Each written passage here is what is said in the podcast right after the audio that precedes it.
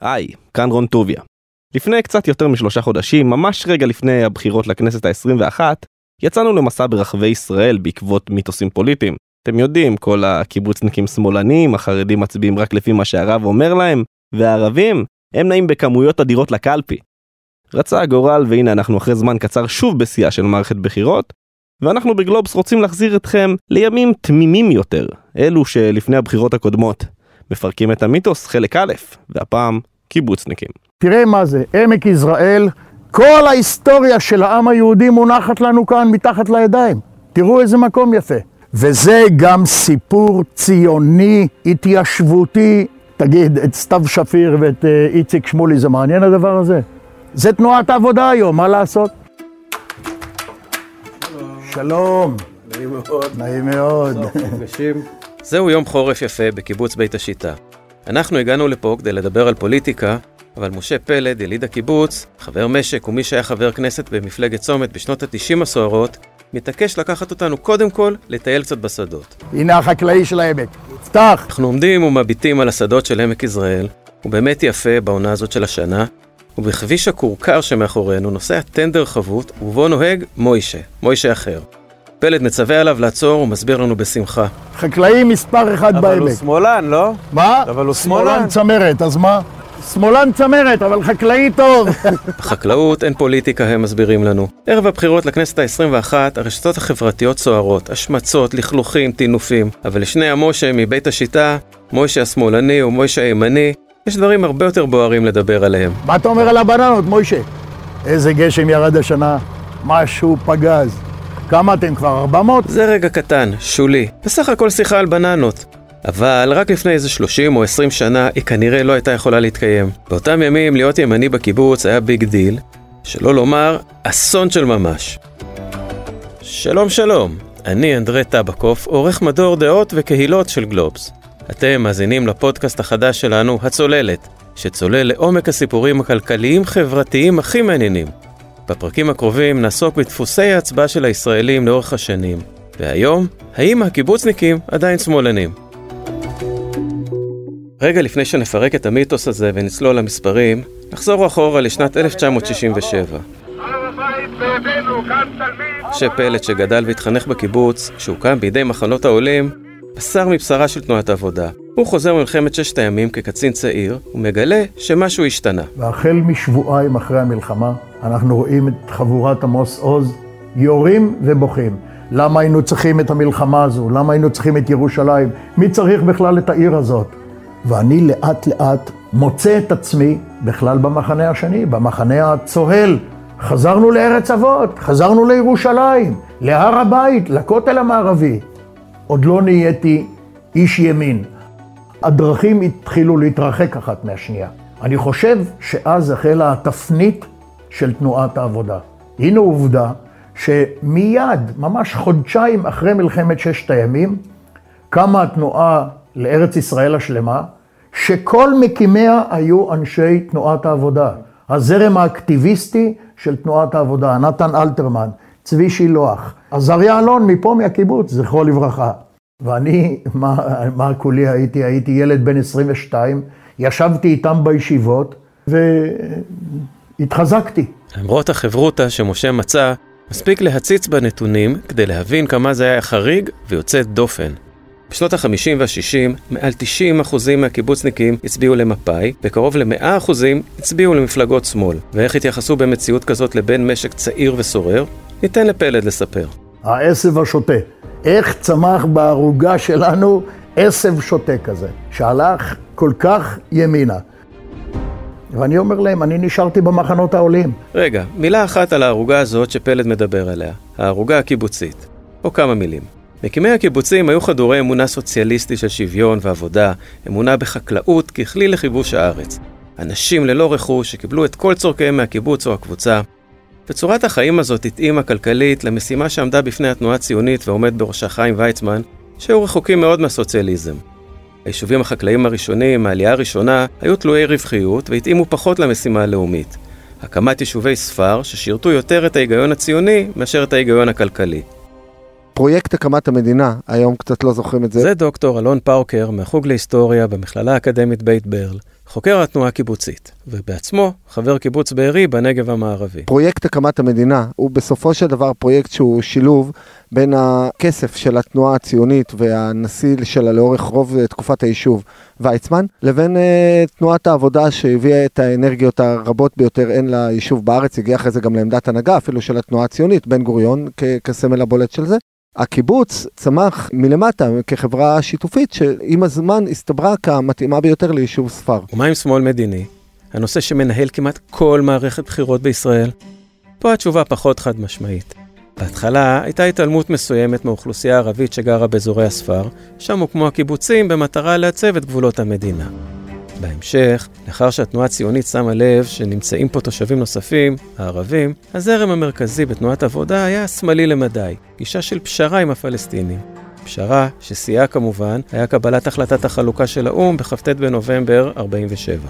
היה זרם של הקיבוץ המאוחד שפחות תמך בפשרה, אבל הוא היה מיעוט, וגם הוא בסופו של דבר הלך בדרך כלל בדרך של הרוב. בהתחלת הציונות הייתה התעלמות, וכשאחרי זה, כשהערבים הוכיחו נוכחות בכל מיני דרכים, אז הגישה של הזרמים המרכזיים בתנועת העבודה הייתה גישה שמאלית, הם היו גישת הפשרה. אני מזכיר שאת כ"ט בנובמבר, את, ה, את רעיון החלוקה, בן גוריון הציע לוועדת החקירה של האו"ם ותמך בה. מי שהתנגד היה ימין ערבי-זיוניסטי. נכון שהיו חלקים בתנועת העבודה שמרוכזים במה שהיה הקיבוץ המאוחד, שהיו להם גישות ימניות יותר בתחום המדיני. עוד לפני קום המדינה זכו הקיבוצים לייצוג יתר במוסדות ההסתדרות ההסתדרות שתפקדו כמוסדות המדינה, ותמכו גם במפלגות שייצגו אותם. במילים אחרות, כולם הצביעו מפא"י. נחזור לבן המשק הצעיר משה. הוא מגלה על עצמו שהוא ימני, למרות אגב שהוא מתעקש להגיד שזה לא הוא השתנה, אלא כולם מסביב. יצאתי כנצר של תנועת העבודה. אני חושב שעד היום אני איש תנועת העבודה. מחנות העולים החזיקה בעמדות הכי אקטיביסטיות של ההתיישבות הציונית בארץ ישראל. שם הטענתי את תרמיל הערכים שלי, ואיתו אני הולך עד היום. פלד, במקום להסתגר בביתו ולהיות נבוך, לוקח את העמדות הימניות שלו צעד אחד קדימה ומצטרף למפלגת צומת בראשות רפאל איתן. היום זה נשמע מצחיק, אבל אז היא הייתה הסמן הימני. וב-1992 הוא נבחר לחבר כנסת. אלה שנים סוערות מאוד בפוליטיקה הישראלית. פיגועים קשים, הסכמי אוסלו, הפגנות קשות, והרצח. ממשלת ישראל מודיעה בתדהמה, בצער רב וביגון עמוק, על מותו של ראש הממשלה. זוכרים את שיחת הבננות ההיא עם מוישה החקלאי? אחרי הרביעי בנובמבר 1995, פלד לא פטפט עם אף אחד בשבילי הקיבוץ. לא על בננות ועל שום דבר אחר. הייתי חלק מהמחנה שרצח את רבין. בימים האלה, אלה היו הימים הכי קשים. בימים האלה אני בא בבוקר לאוטו, לחנייה, וחריצים של מסמרים על האוטו.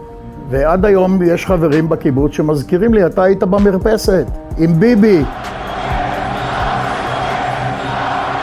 עברתי ימים לא קלים. לא נשברתי, ההפך, התחזקתי. אני שותף לאבל ואני מתנגד לימין הקיצוני, המתלהם, הנלחם, אבל אני לא מוכן לקבל על עצמי את הרצח.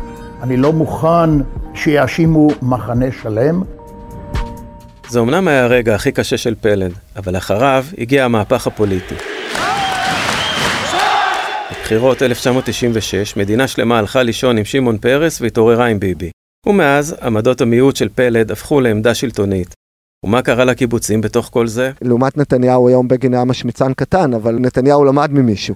היה צריך להשמיץ כדי לשנות תודעה, קשה לי מאוד מוסרית, אבל אני חייב להגיד, היא הייתה יעילה מאוד בנבזיותה, זה להשמיץ את הסמל. עכשיו, הקיבוצניק, תראה מה הוא רואה. פעם הייתי סמל, הייתי נחשב. עכשיו, גם השלטון משמיץ אותי, גם ראש הממשלה משמיץ אותי, גם אני לא יוצלח כלכלי, למרות ש... התוכנית לעיצוב המשק גרמה למשבר. פאוקר מתכוון לתוכנית העיצוב הדרמטית של 1985. זאת התוכנית הכלכלית שעצרה את הדהירה המשתוללת של האינפלציה במשק, אבל על הדרך גם גרמה לצבירת חובות עתק בקיבוצים. וכשהעסק מתפרק מבחינה כלכלית, גם המשברים החברתיים ודמוגרפיים לא מאחרים להגיע. הקיבוץ השיתופי, האידיאליסטי, זה של פעם, הולך ומתפרק. במקביל, הסנטימנט משתנה. מפלגות השלטון הימניות כבר לא מחבקות את הקיבוצים שנקלעים לסערה המושלמת.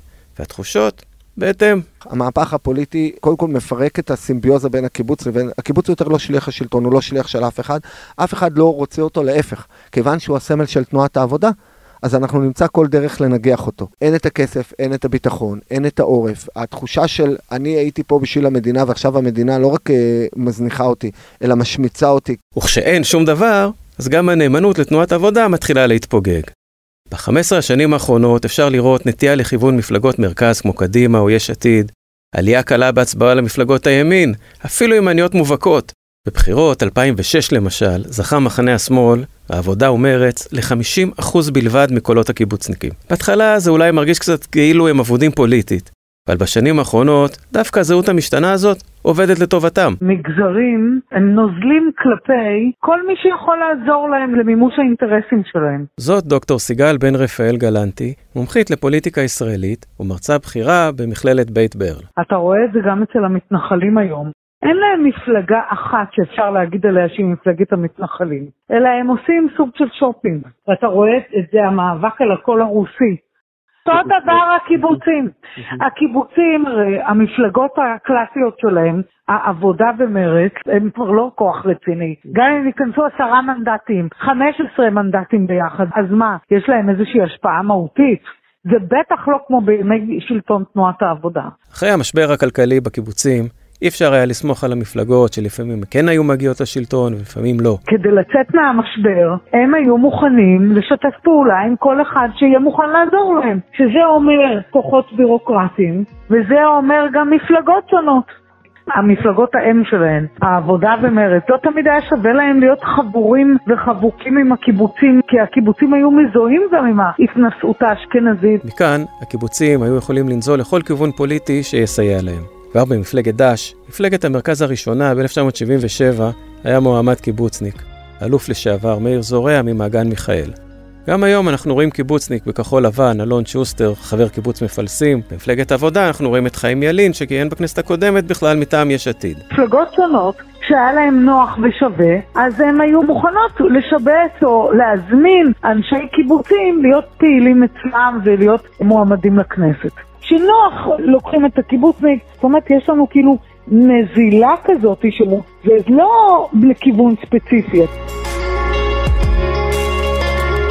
כשהם יצאו מהמשבר שלהם, אז הנזילות המגזרית עוד נשארת ומשתכללת.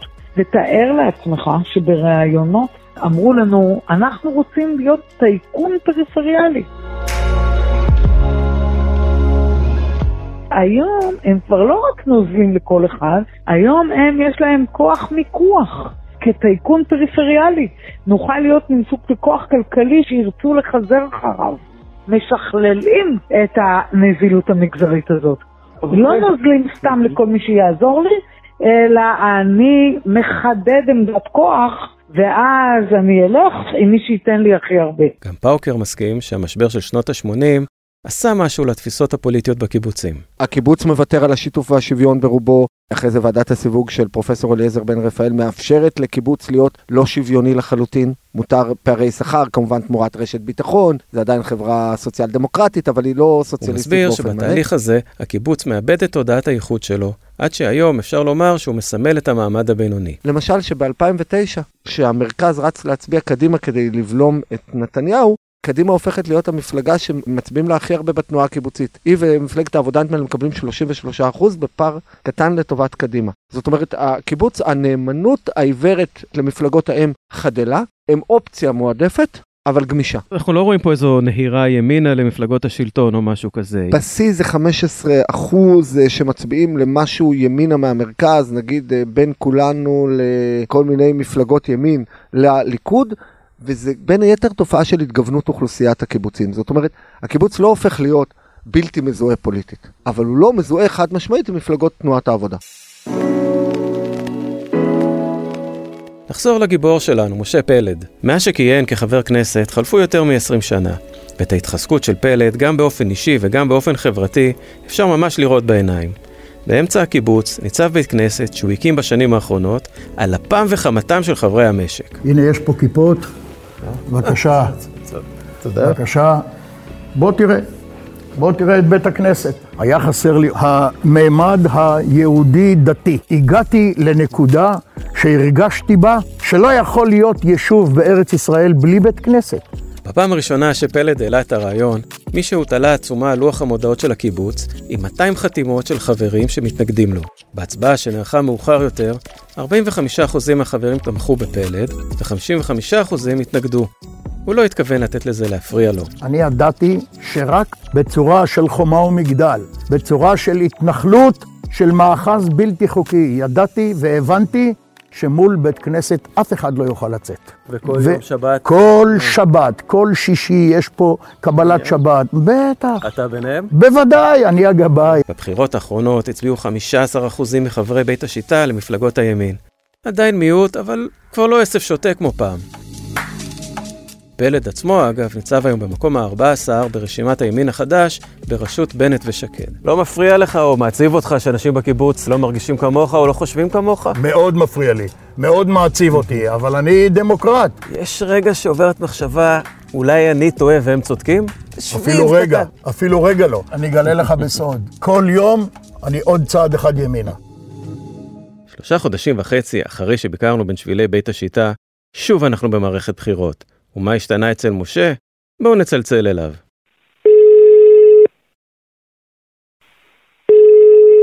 שלום משה.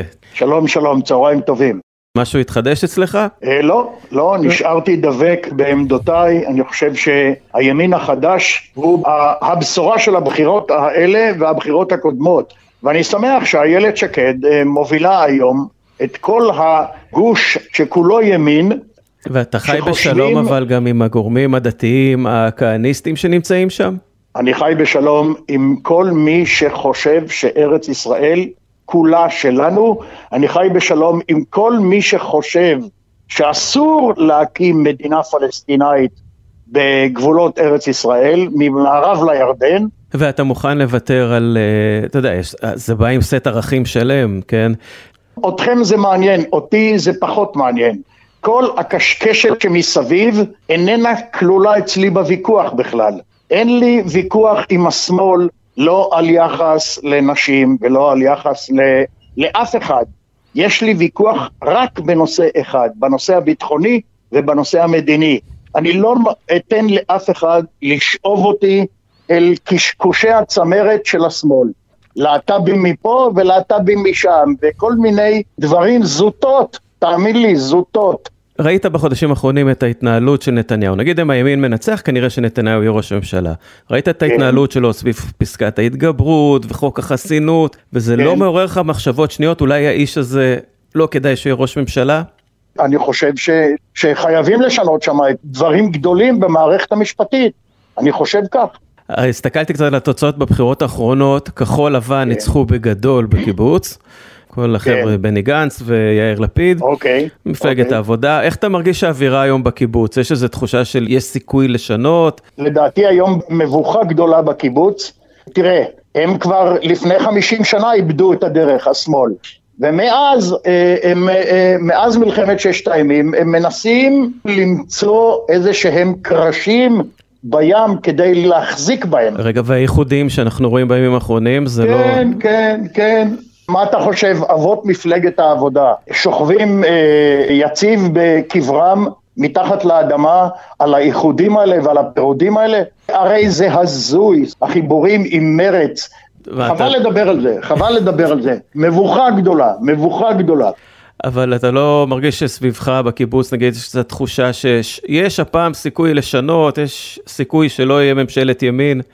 אני עוד לא מרגיש את זה, אני חושב שגם אתם עוד לא מרגישים את זה, השמאל עוד לא מרגיש את זה. זה שאהוד ברק אה, אה, נובח שלוש פעמים ביום ומשתולל ומתפרע כמו, כמו ילד בכיתה ו', זה עוד לא נותן לשמאל אה, אפשרות לנצח. אהוד ברק הלך לוועידה בה הוא מסר את ארץ ישראל עם 39 חברי כנסת, לא היה לו רוב בכנסת. אבל רבים אומרים שככה הוא הסיר את המסכה מעל פני ערפאת. גם אתמול בלילה הוא הסיר את המסכה, גם מהפנים שלו, גם מהפנים של סתיו שפיר, שלפני שבועיים התמודדה על ראשות מפלגת העבודה. ברגע שהיא לא נבחרה, אז היא עזבה שם. עזוב, נו, בחייך. אנדרי, לא תצליח לשנות את השקפת עולמי מנסים כבר לעשות את זה למעלה מ-50 שנה ועוד לא הצליחו. אני לא תצליח, רוצה? לשנות, אני רוצה לשמוע את השקפת עולמך, זה אחרת. הנה שמעת, הנה שמעת. אנחנו עוד נחזור אליך אחרי הבחירות, אני בטוח. ממש אני ממש תודה שמח, רבה. תחזור אליי גם לפני הבחירות. תודה. עד כאן הפרק הראשון של הצוללת. מוזמנים ומוזמנות להאזין לשני הפרקים הנוספים על דפוסי הצבעה מגזרים של החרדים והערבים. חפשו אותנו באתר גלובס ובאפליקציות הפודקאסטים השונות. תודה רבה לעורך שלנו רון טוביה, למפיקה בלה פישר, ללילה חגי על התחקיר, למתן פורטנוי ולאופיר פרץ על ההקלטות והבימוי, וגם לשלומית רביד על העזרה בכתיבת התסריט. קטעי הארכיון ששמעתם בפרק הזה הם באדיבות ארכיון הסרטים, כאן תאגיד השידור הציבורי וחדשות 12. אני אנדרי טבקוף. ניפגש בפעם הבאה, להתראות!